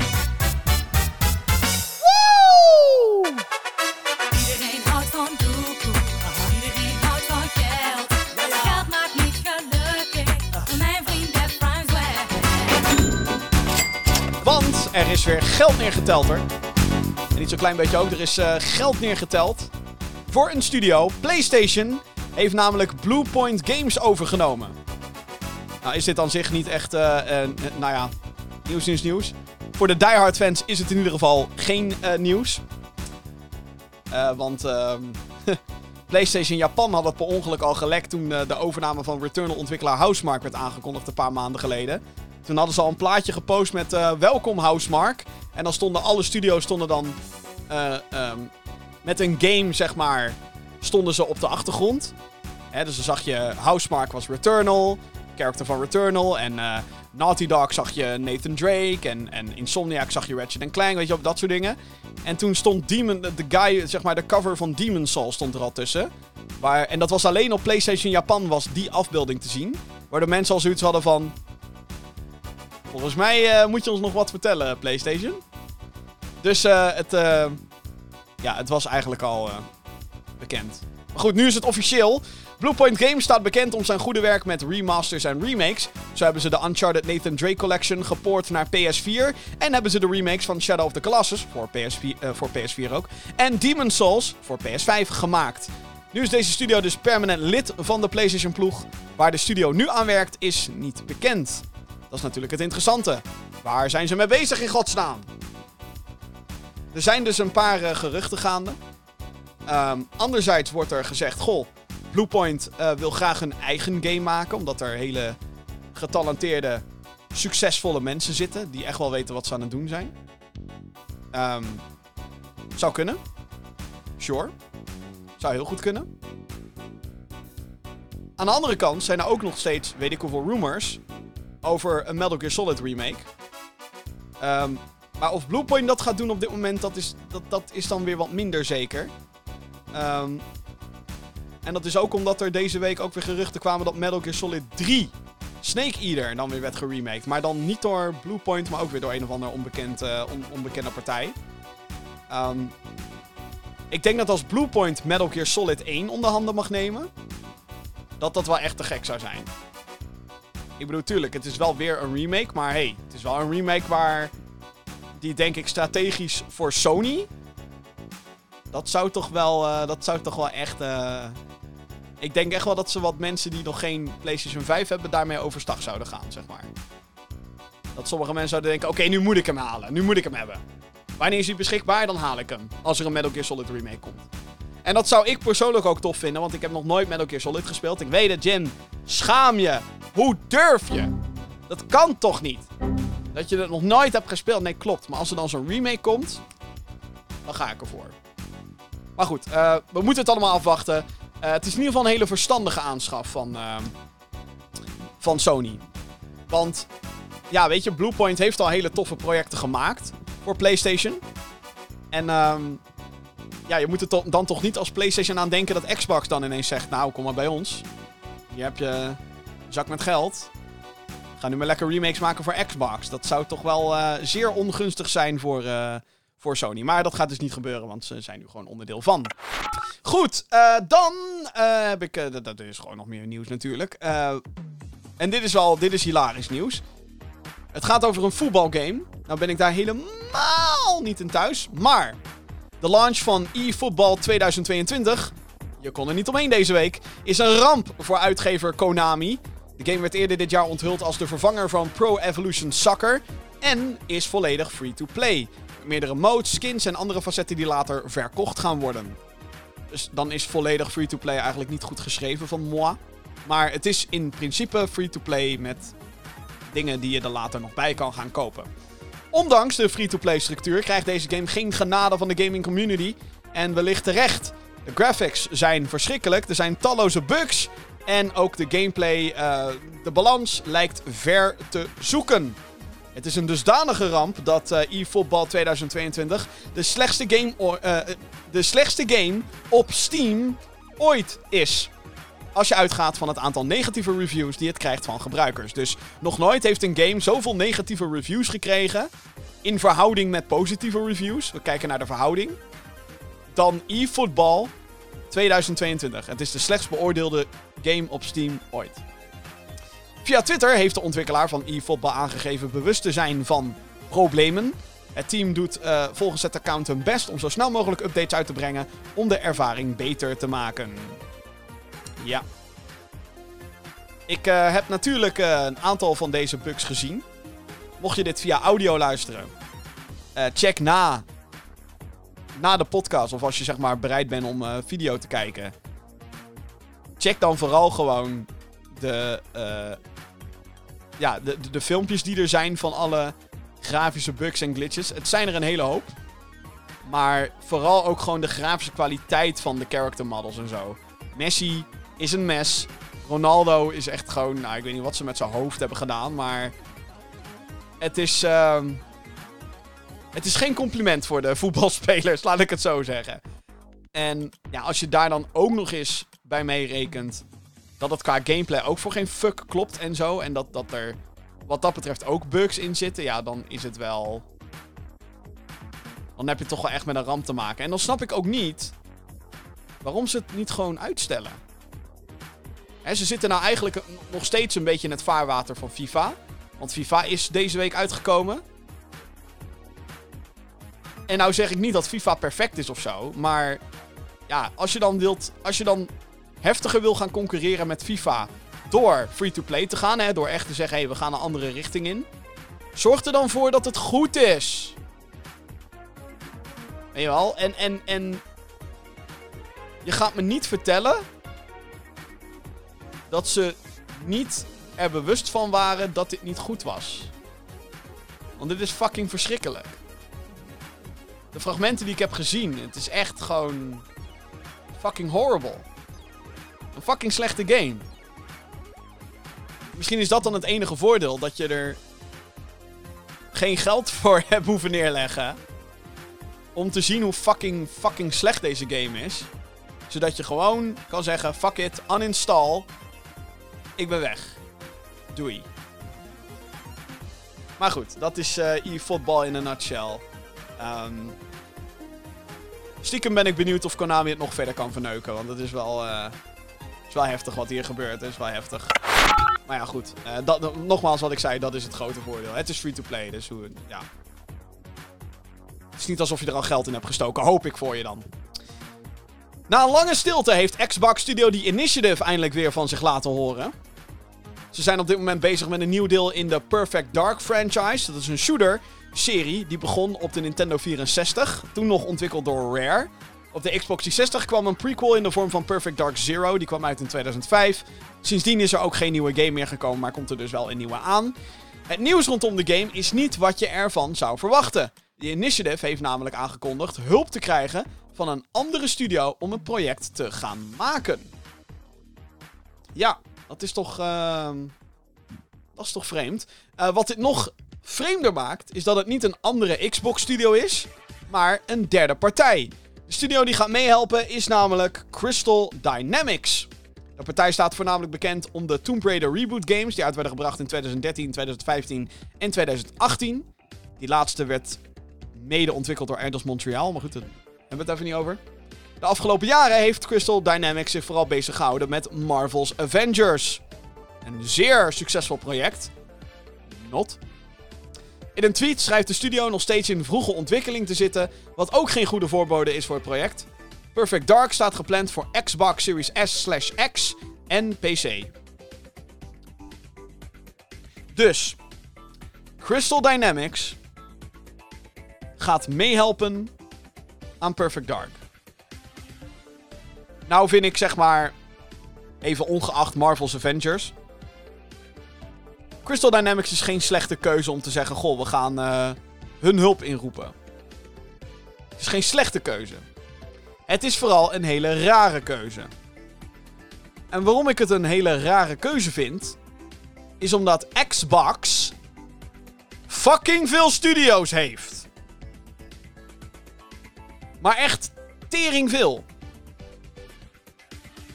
Dus wat de fuck gebeurt daar? Dat ze ehm, hulp nodig hebben van een studio die gewoon helemaal niet van hun is. En weet je dat er externe partijen worden ingehuurd voor dingen? Dat is niet vreemd. Dat gebeurt bij heel veel grote projecten.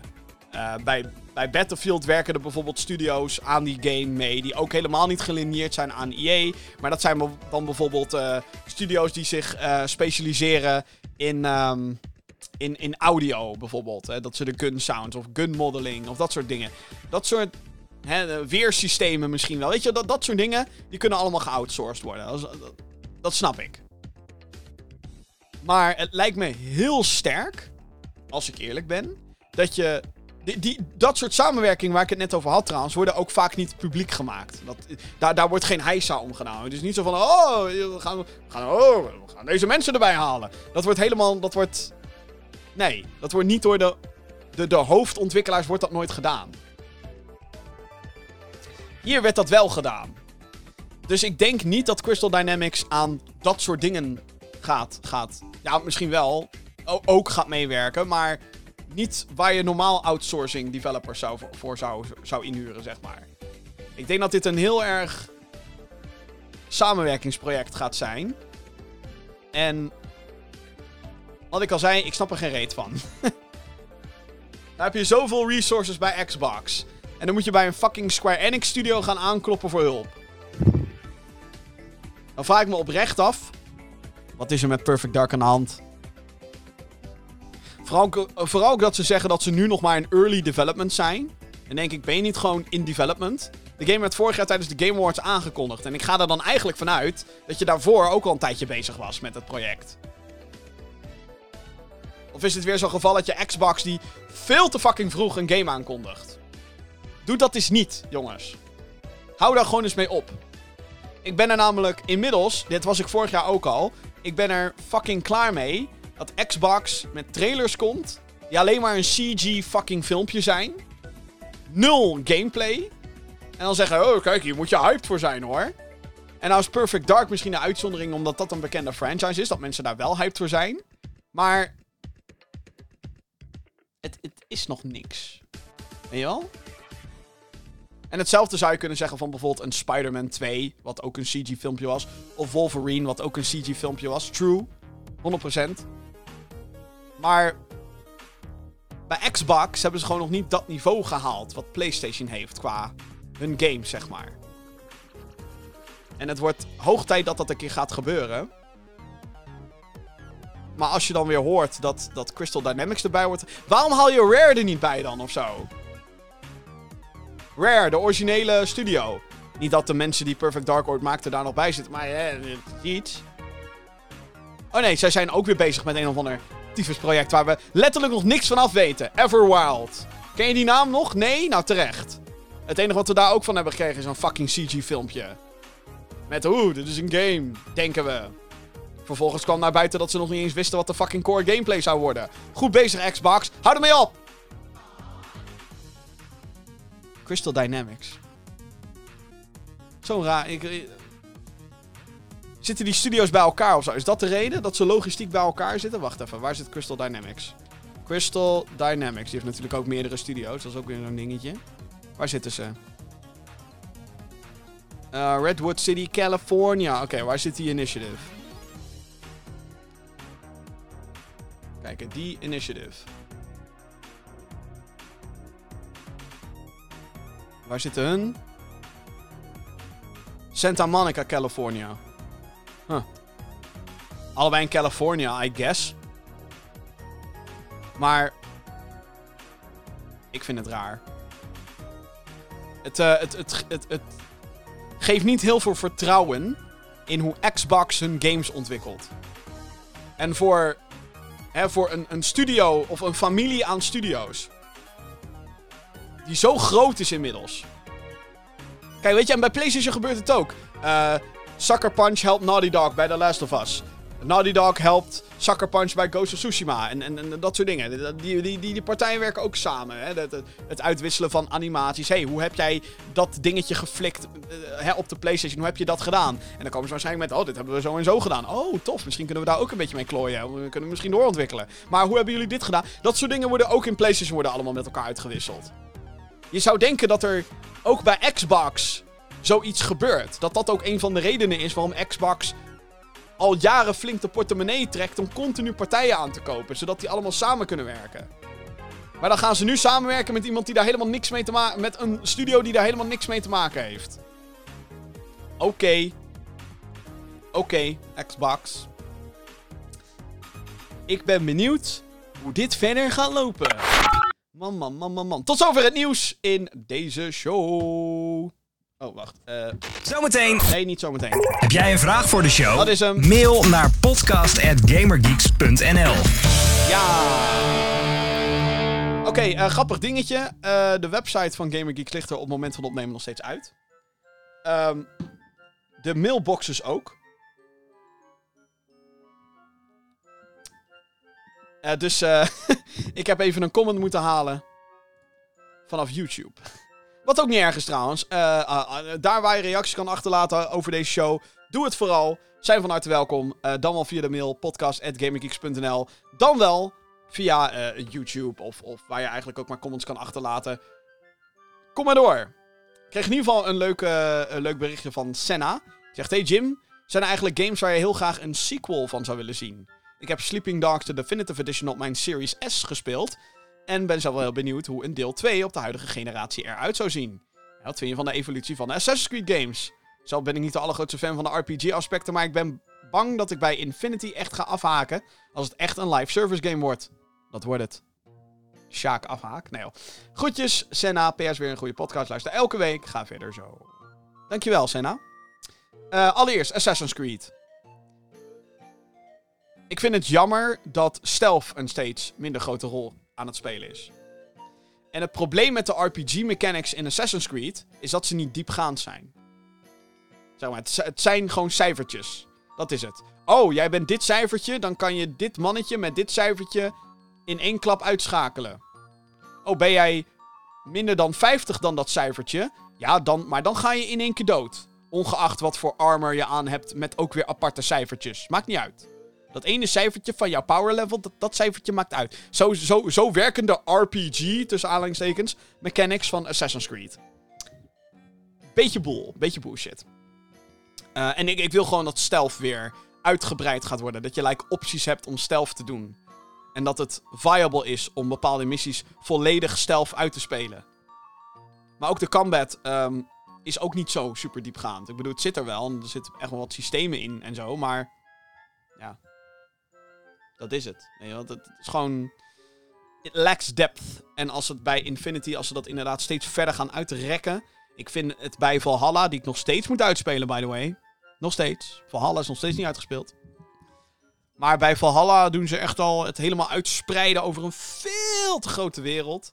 Waardoor het, het, het, het, het gebrek aan diepgang nog eerder zijn gezicht laat zien, zeg maar. Nog, nog meer zo van, ha, ha, ik heb geen diepgang, deze game, ha, Waardoor het op een gegeven moment echt gewoon hersenloos rammen op een, op een ding wordt. Omdat je op een gegeven moment zo fucking powerful wordt dat je denkt, ja, ik heb zo'n hoog cijfertje. ik kan iedereen one-shotten. Ja, het is gewoon, eh, wat dat betreft vind ik de evolutie niet leuk. En eh, ook qua storyline komt het gewoon niet heel erg goed op gang. Ik moest dus laatst lezen ergens in een comment dat Ubisoft dus kennelijk de main bad guy van de gehele fucking Assassin's Creed franchise. Want ja, er zit een doorlopend verhaal in alles. Dat ze die kennelijk hebben gekild in een of andere fucking comic. In plaats van in een game. Kennelijk. Ik weet niet of iemand mij aan het trollen was online. Het gaat hier om eh, het karakter Juno. Maar als dat zo is. Fuck you, Ubisoft. Dan. De vraag over sequels. Welke game zou ik nou graag een sequel van zou, zou ik willen zien?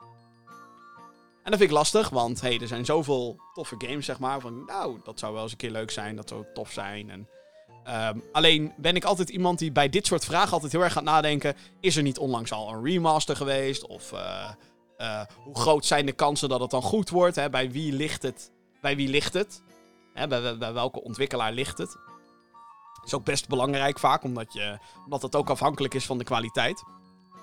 Kijk, zelf zeur slash smeek ik al jaren om een, een vervolg op Jazz Jack Rabbit. Ik wil gewoon een nieuwe Jazz Jack Rabbit. Jazz Jack Rabbit 1 en 2 waren fantastisch. Het is inmiddels zo lang geleden sinds dat de games uitkwamen. Ik zou ook heel erg graag settelen voor een remaster of een remake van 1 en 2. Ehm, en als ze alleen met 1 beginnen, vind ik dat ook meer dan prima. Maakt me allemaal niet uit. Maar graag.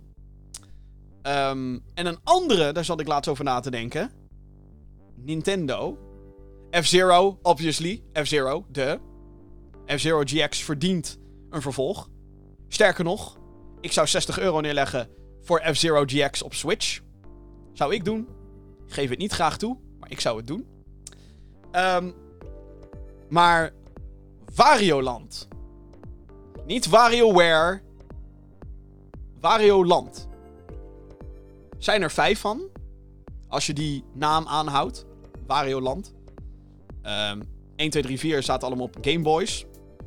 Eh 1 en 2 op de originele Game Boy. 2 ook soort van op de Game Boy Color. 3 was Game Boy Color only. 4 was Game Boy Advance. En dan had je de Shake Dimension op de Wii. Die was geweldig. Echt fantastisch. Maak daar weer eens een nieuwe van. Een nieuwe Wario-land. Hoe fucking fun waren die games? Ontzettend.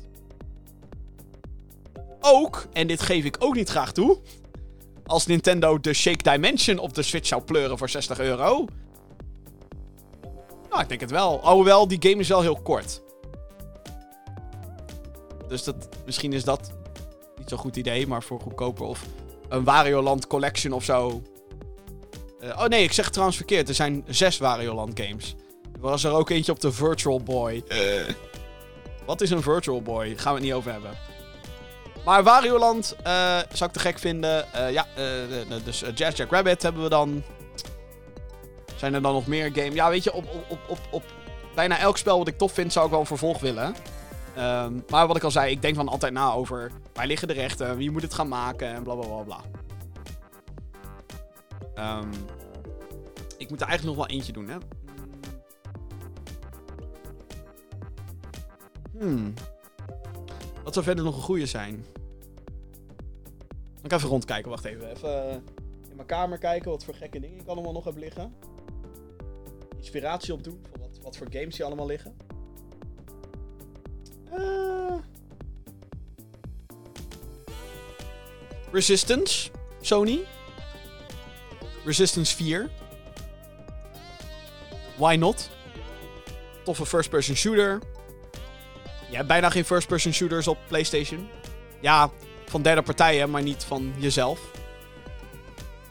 Maar dan, ook, ook dan zou ik toch weer liever zeggen, denk ik... ehm, doe dan de Resistance Trilogy Remaster. Je, Ik wil gewoon... Eigenlijk wat ik wil, bedenk ik me net, is gewoon... Ik wil gewoon oude games in een nieuw jasje spelen. Eigenlijk. Merk ik. Ik wil het excuus hebben dat ik kan zeggen... Hé, hey, ik speel een nieuw spel tussen aanhalingstekens. Maar het is gewoon een oude game. die heel tof is. Ik heb dat met Metal Gear Solid Remake. Ja hoor, doe maar. Ik wil niet de oude spelen, maar wel de nieuwe oude. De, de remake dinges. Ik wil Jet Set Rabbit weer spelen, maar dan een remaster. Ah, dus ehm misschien moet het daar ook gewoon bij laten. Oh, als we het dan over remasters hebben en vervolgen, wil ik toch nog deze even, even erbij gooien. Eh EA heeft eh, een, een, een remaster gereleased van Command Conquer en Red Alert.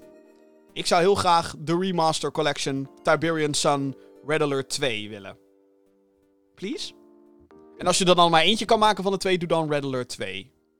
Met expansion erbij en het allemaal gehigh-rest is en zo. Misschien moet je het World Trade Center eruit halen, want die zat nog in de originele game. Misschien dat, maar voor de rest... Dat, eh, dat zou ik ook tof vinden. En dan hoop ik daarmee dat ik je vragen beantwoord. ik wil zelfs vervolgen op remasters, zo erg wordt het. Maar goed. Ehm, en, en ik de industrie maar lui noemen. Wat de fuck, kom gewoon met iets nieuws, bla bla bla. Wat wil je spelen, Jim? Remasters. nee hoor, ik ben ook echt wel... Ik, ik ben bijvoorbeeld hartstikke hard voor Far Cry 6, bijvoorbeeld. Metroid Dread, fantastisch. Heel veel zin in. Maar moet Nintendo de Prime Trilogy? Ja, moet ze ook doen. Goed, eh, daarmee zijn we aan het einde gekomen van deze 174ste aflevering van de Gaming Geeks podcast. Je weet wat ik ga zeggen. Abonneer op deze show via je favoriete podcastdienst. Misschien wel de dienst waar je nu op luistert. Of eh, check de videoversie via youtube.com slash. En als je daar dan toch al op bent, eh, abonneer dan ook daar natuurlijk via je YouTube slash Google account. En check video's die ik heb gemaakt. Zoals de Call of Duty Vanguard Open Beta Preview. Mijn review voor Life is Strange True Colors. En een flashback video waarin ik terugkijk op oudere Gaming Geeks video's. Omdat we 9 jaar bestaan. Onderweg naar de tiende. En ook deze week komt er weer nieuwe content. Far Cry 6 staat in de pre-order. Een Collector's Edition notabene. Dus eh, dan weet je wat dat betekent. Daar komt een unboxing aan. En eh, ik ben dus bezig met Steam Next Fest, eh, Next Fest demo's. Ik ben bezig met reviews. Allemaal gekke dingen zijn er aan de hand. Dus abonneer op youtube.com slash gamergeeksnl. Goed, eh, bedankt dat je het weer anderhalf uur met mij hebt volgehouden. Want zo lang is deze aflevering inmiddels. Dankjewel voor het luisteren. Dankjewel dat je er weer bij was voor deze aflevering van de Gaming Geeks podcast. En ik spreek je heel graag een volgende keer. Doei!